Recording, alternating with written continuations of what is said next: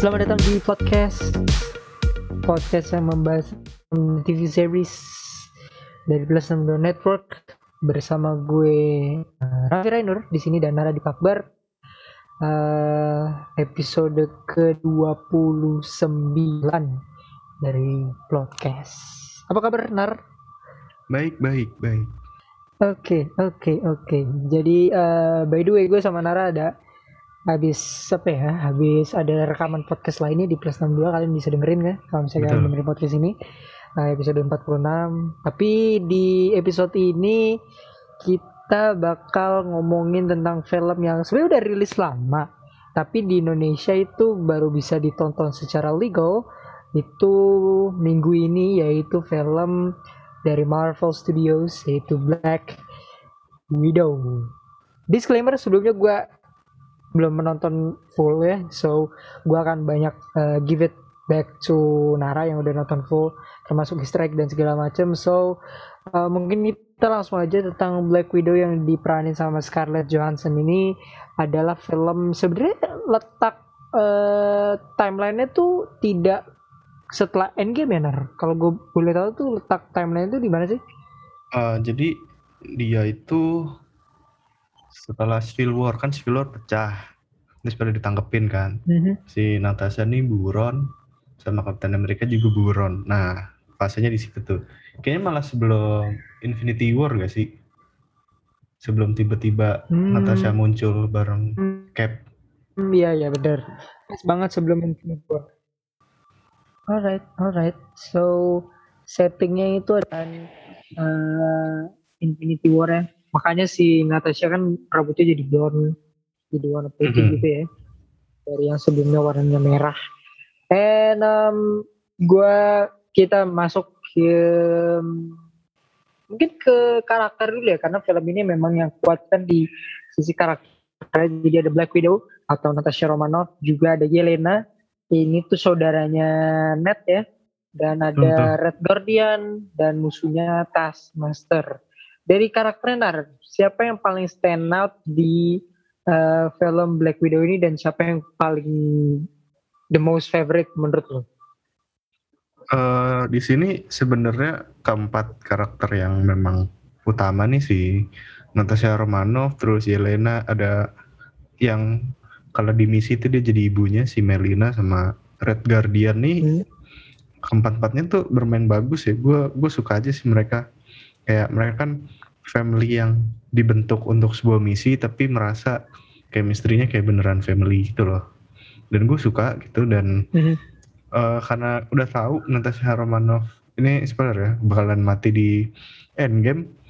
Jadi ya di sini yang cukup mencuri perhatian adalah Yelena sih karena eh, sepanjang apa ya sepanjang film tuh nggak nggak bosan aja sih ngelihat dia gitu dan memang kayak agak agak berbeda sih Hmm. dari Natasha Romanoff gitu yang mungkin Yelena lebih apa ya kalau udah bahas tentang keluarganya mereka dia jadi lebih soft.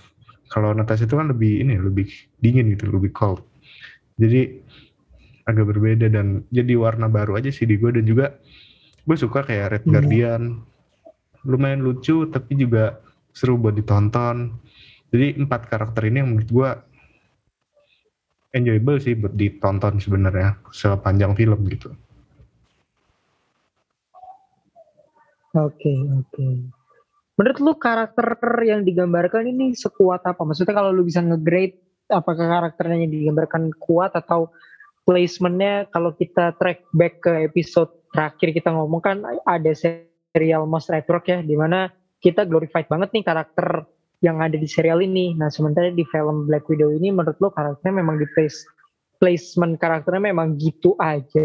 Ya karena ini memang film yang tidak terikat. Sebenarnya terikat pada suatu hal tapi it's not really necessarily big gitu ya.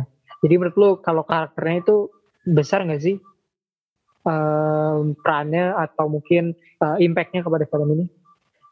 Sebenarnya kalau impact itu menurut gua paling besar ya pas post credit scene sa- eh, post credit scene-nya sih karena itu kan nanti mungkin bakal nge-link ke ini gua spoiler ya buat teman-teman yang belum nonton jadi mungkin bisa terspoiler kan karena mungkin bisa jadi ngeling ke serial Hawkeye bisa jadi atau ke masa ke depannya. Nah sisanya itu kayak ya menceritakan uh, Black Widow aja sih kayak Black Widow dia punya keluarga masa lalu gimana mungkin agak sedikit ngetis bahwa si Red Guardian nih pernah berantem sama Kapten Amerika dalam tanda kutip Kapten Amerika yang lain. Kayak ketika Red Guardian Mhm. apa di penjara tuh ada scene eh temannya dia bilang Kapten Amerika tuh membeku 70 tahun. Ketika Red Guardian dia cerita pernah berantem sama Kapten Amerika dan Red Guardian bilang lu kira gue pembohong?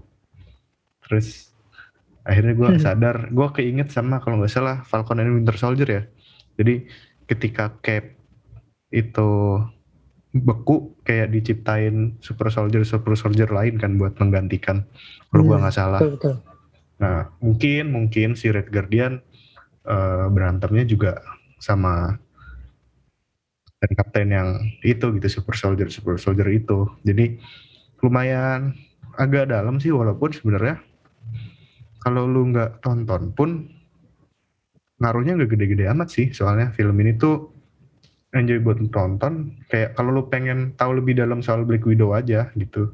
Cuma enak sih ditonton nggak kayak yang DLC yang sebenarnya lu nggak penting kalau ditonton tapi dimaksain. Ini enggak sih menurut gua. Kenapa di enjoyable. LC dong? Menurut gue nih Cu- buat cuma buat mendalami si seluk beluk Black Widow aja sih sama mungkin nanti Yelena jadi sesuatu yang baru udah sih itu nggak nggak yang besar banget kayak mungkin kalau lu nonton serial Loki itu kan gede banget ya impactnya nanti kalau Hmm. uh, Black Widow nih nggak nggak gede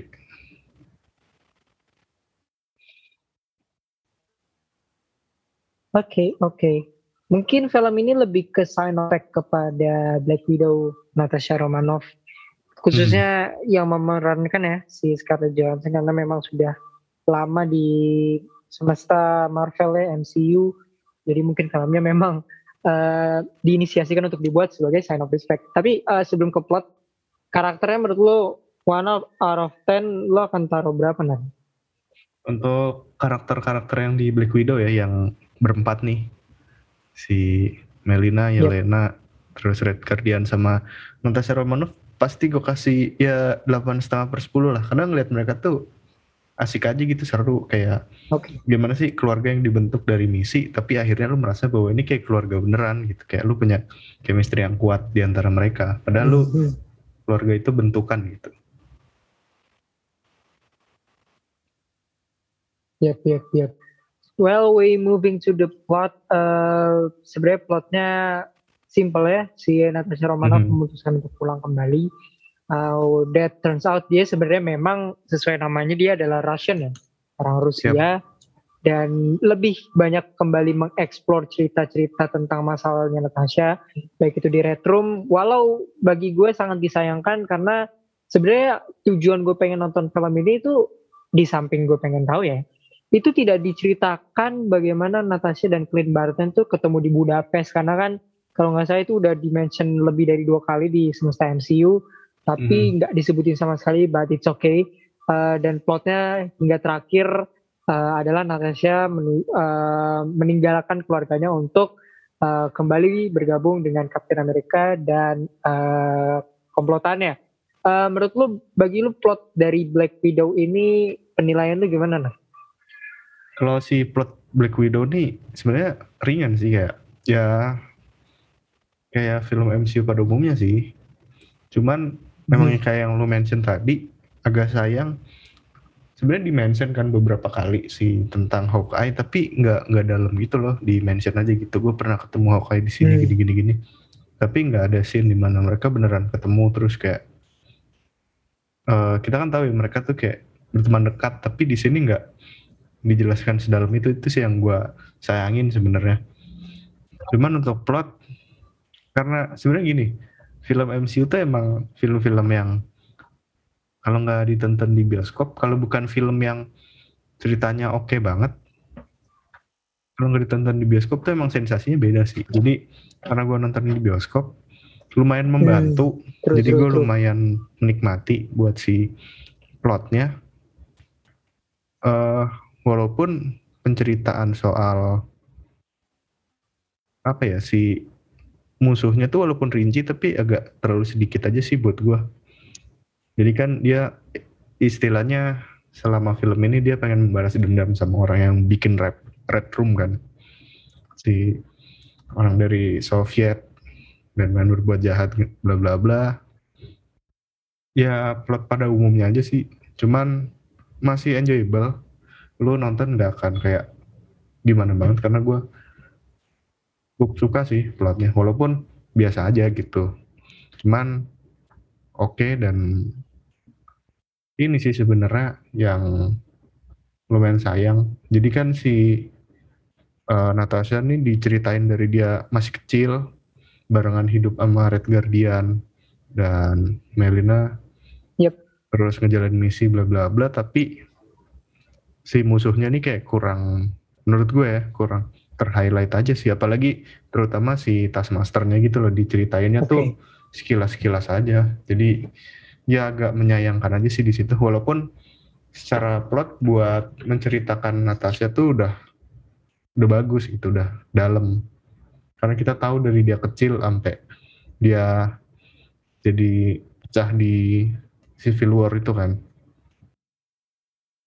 Dibilang sangat sering dan well kind of uh, rushing in sometimes ya a little bit out of place. Tapi lu bisa nilai one out of ten untuk plot dari Black Widow ini gimana? Berapa? Uh, mungkin gue kasih tujuh setengah per sepuluh sih. Sama mungkin plusnya oh. menurut gue scoringnya bagus sih. Scoringnya gue suka kayak oh enak juga nih okay. scoringnya. Kayak ada beberapa film MCU yang gue tonton ceritanya oke okay, tapi scoringnya yang bagus cuma satu gitu nah di Black Widow nih scoringnya yang bagus lumayan banyak mungkin karena uh, okay, okay. beda aja sih vibesnya yang lain kan karena udah udah bosan ya denger nah. theme song Avenger Everywhere jadi di sini kayak Waduh. oh ada ada yang beda nih jadi gue suka um, tadi lu nyinggung vibes beberapa kali termasuk vibes menonton bioskop dan uh, vibes menonton di streaming platform misalnya menurut lu tanpa orang masuk ke bioskop kan sekarang udah ada nih di Disney Plus ya. Uh, lu bisa hmm. nonton di Disney Plus streaming sekarang just go for it. Uh, tapi menurut lu ini film masih enjoyable nggak untuk ditonton? Let's say di rumah bersama keluarga atau enggak bersama keluarga juga sih tapi uh, ditonton di laptop atau di mana pun tapi ditontonnya di Disney Hotstar.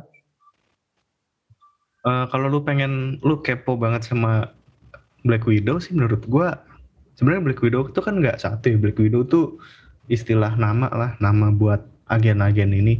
Hmm. Kalau lu pengen tahu lebih dalam sebenarnya cukup worth it kok. Cuma menurut gua emang di bioskop tuh lebih menyenangkan karena kan suara tembakan karena kan gini Black Widow tuh banyak uh, adegan tembakan pukul-pukulan. Dia nggak kayak misalnya Thor yang pakai palu terbang-terbang. Karena Black Widow yeah. nih kayak lu nonton film agen. Jadi kalau di bioskop tuh rasanya beda gitu. Suara tembakan di bioskop sama speaker TV kan beda. Jadi akan lebih enak untuk ditonton di bioskop sih menurut gua. Karena action action yang kayak gini John Wick terus mungkin Mission Impossible kalau di bioskop tuh emang beda rasanya. Jadi enakan nonton di bioskop sih kalau gue so level nya sebenarnya uh, bisa dengan oke okay, asalkan di bioskop ya karena actionnya dan bukan seperti film superhero pada umumnya. Karena kan Net atau Black Widow ini adalah seorang uh, superhero yang kemampuannya itu didasari atas kemampuan fisiknya ya, bukan uh, gifted kayak Thor atau ya yeah, let's say Hulk gitu ya, siapa pun itu. But uh, well probably dari yang gue denger sih en level enjoyable-nya um, so-so lah ya, tergantung lu nonton di mana. Tapi mm. one of the highlights yang sebenarnya pengen gue tanyain ke lu adalah Taskmaster. Tadi lu udah nyebutin tentang villain ini. Uh, Task Master itu buat kalian yang belum tahu dan belum nonton atau nggak familiar sama karakter ini, Taskmaster itu punya kemampuan untuk mengcopy uh, pergerakan musuhnya. In this case adalah Black Widow. Dia bahkan punya perisai seperti Captain America, bisa terbang-terbang di kayak Iron Man, uh, bahkan bisa lompat-lompat seperti Black Panther. Which basically he atau di sini sebenarnya wanita, she got everything uh, yang bisa ditawarkan oleh seorang villain untuk menghadapi Black Widow. Tapi menurutku sendiri, Nar, Taskmaster ini selalu di, ditaruh di plot di mana itu akan menjadi plot twist. Lu kan nggak tahu sebenarnya di balik topengnya itu bisa berbagai macam orang atau karakter yang berada di situ. Dan harapannya di film Black Widow ini sebenarnya Taskmasternya itu bisa dibilang uh, plot yang bisa nge-twist gitu. Tapi menurut lu sendiri Taskmaster sebagai villain is is he good? Eh, is she good or not? Dan yang kedua, menurut lu tentang reveal uh, dari topeng di balik topengnya Taskmaster itu oke okay banget atau lu cukup kecewa dengan itu? Ngomongin Taskmaster nih emang bikin sebel sih. Gue sebenarnya nggak terlalu peduli ya mau uh, Taskmaster cowok atau cewek. Cuma yang gue sayangkan di sini adalah uh, ini kebiasaan MCU juga sih. Jadi karakter yang sebenarnya kalau lu nonton kartunnya itu kan kuat, tapi di sini jadi agak di nerf gitu, jadi agak lemah. Nah, di sini Taskmaster jadi pakai banyak alat gitu loh. Jadi uh, di belakangnya ditanemin chip, terus helmnya juga ada kayak scan-scannya gitu yang menurut gua kayak ya kenapa jadi begini gitu. Padahal kalau pernah kalau nggak salah kartun apa ya? Spider-Man apa ya? Kalau gua nggak salah. Pokoknya ada kartun Marvel gue pernah nonton tuh Taskmaster muncul sekali. Taskmaster tuh kalau nggak salah uh, kasih gue kalau salah ya itu dia pure skill kan. Dia ngeliat menganalisa mm-hmm. terus copy. Nah di sini dia pakai chip dan pakai scan yang menurut gua kayak ya kenapa jadi alat banget? gitu.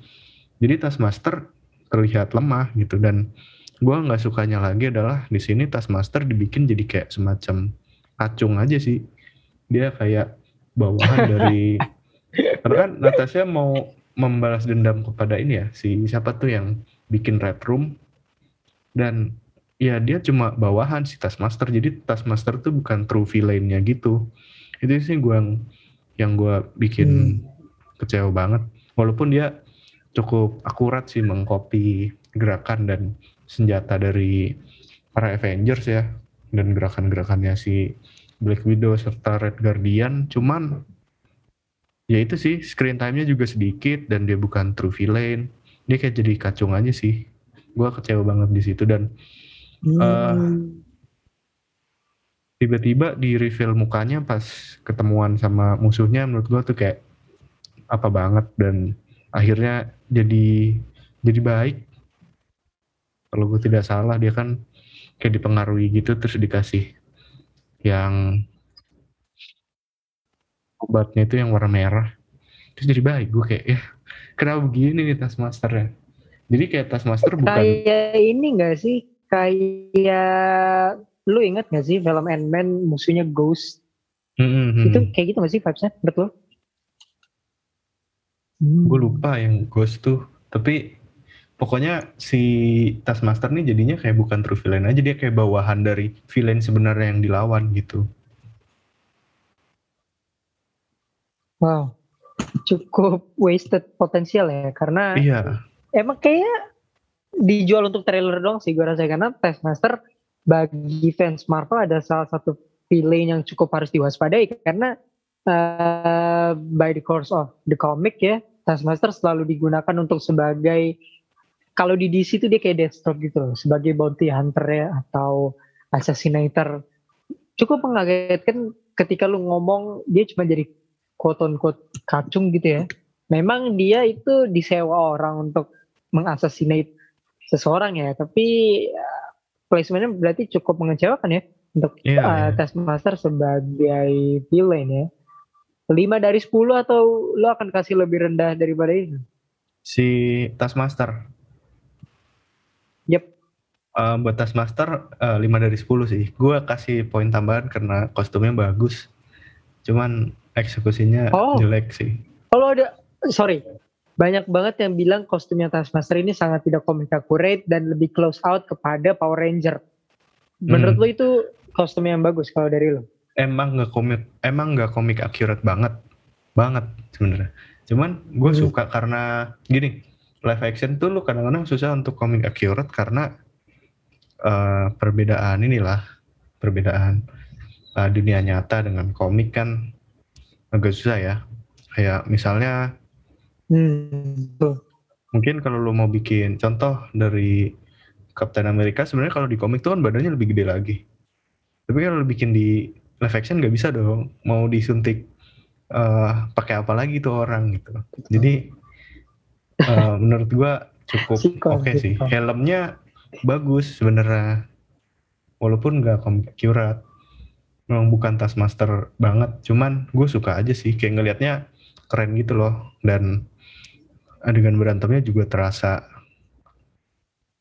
enak dilihat karena Taskmaster kan eh, armor gitu ya.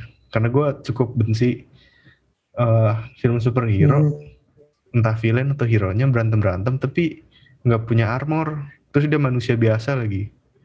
Itu gue kayak gimana sih? Cuman gue cukup suka lah. Cuma eksekusinya jelek banget nih si Taskmaster.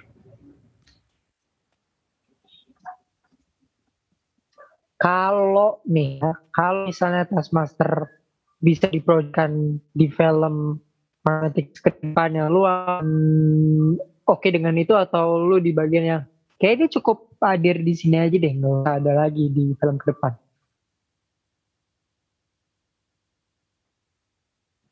eh sebenarnya kalau di ke depan gitu misalnya ternyata ini bukan Taskmaster asli kayak ini Mandarin gitu ya ceritanya gitu misal Eh, menurut gue bisa aja sih dengan eksekusi yang jauh lebih baik karena Taskmaster dia kan ngikutin ini ya mengcopy keahlian dari lawan-lawannya. Jadi kalau misalnya dia lawan misalnya lawan empat orang itu menurut gue mungkin masih bisa imbang gitu. Kan di sini juga Taskmaster dibikin banyak kelengahan sih di film Black Widow.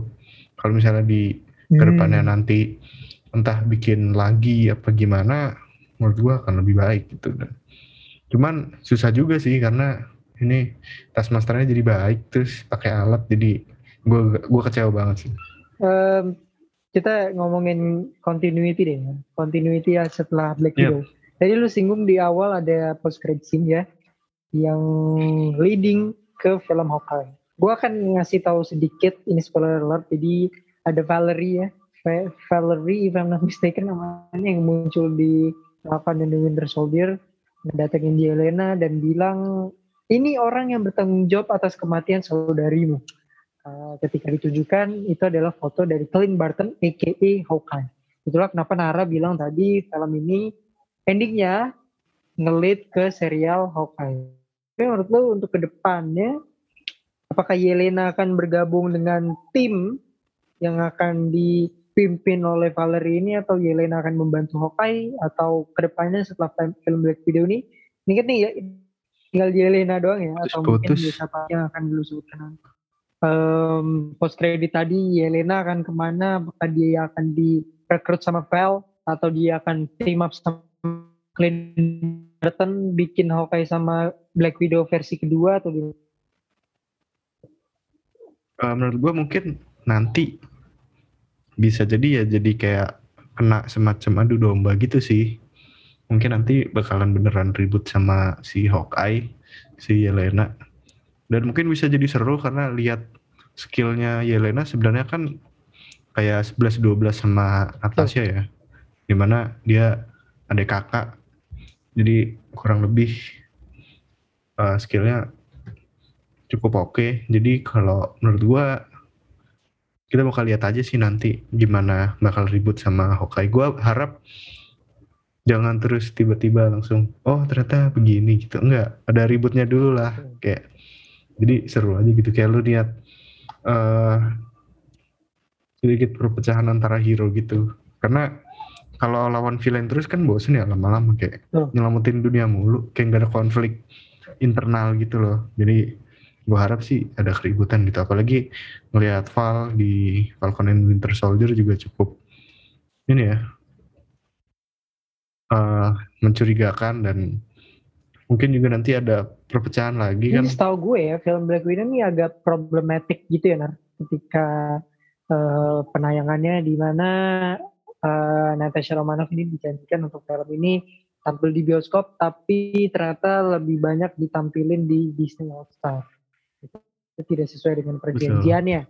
Dan em si Nat ini udah nggak main Black Widow ya, tapi menurut lu apakah problem dari film Black Widow ini akan affecting atau memberikan dampak kepada film-film MCU, MCU setelahnya karena kelihatannya agak lagi chaos nih ya Marvel Studios dengan Disney.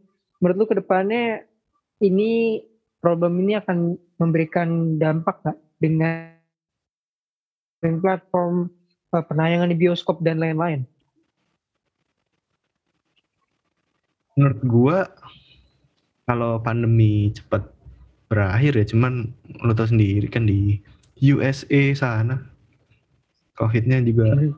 lagi sulit tapi gua harap bisa cepat selesai sih Betul. soalnya kadang-kadang nih kebiasaan sih kebiasaan orang kalau udah gede ya sama kayak MCU nih udah gede jadi kadang-kadang suka saya langsung sendiri gitu kayak di Black Widow ini kan tiba-tiba di Disney Plus kan yang gua harap sih semoga nanti Disney dan seluruh jajaran di MCU nggak kayak Warner Bros sih yang tiba-tiba mengubah semua sesukanya sendiri gitu Waduh, karena nanti kan kalau misalnya Waduh. sampai ada kekecewaan berat misalnya di anggaplah salah satu film yang nanti penting banget nih di MCU dan ada konflik kayak gini sampai aktornya terus kayak wah gue kecewa nih gue nggak mau main lagi itu bakalan ngerusak banget sih jadi gue Betul. harap mungkin ini kan kesalahannya si studio juga ya kalau nggak salah. Gue harap Betul. mungkin berkaca sih jadi bercermin lah berintrospeksi diri supaya tidak mengulangi aja sih. Walaupun diundur misalnya ya tetap di bioskop aja. Atau misalnya memang lu ragu untuk di bioskop ya di Disney Plus aja kayak gitu. Penonton juga jadi nggak bingung juga kan. Hari ini eh, mungkin itu aja dari episode ke-29 eh, Black Widow. Jangan lupa untuk dengar episode-episode sebelumnya dan follow Instagram kita di @podcast by plus 62. Ketemu lagi di episode selanjutnya. Ada The Weekly. Kita akan bahas eh, berita-berita terkini dari film dan TV series di akhir September. Dan di episode 30 kita akan major throwback ya Nar? Dengan ngomongin betul. Back to the future. So komen di Instagram kita kira-kira kalian mau apa yang akan dibahas di film Back to the Future 1 2 3 ini. So, gue Renner dan Narek Akbar. Sampai ketemu lagi di episode selanjutnya. Cheers.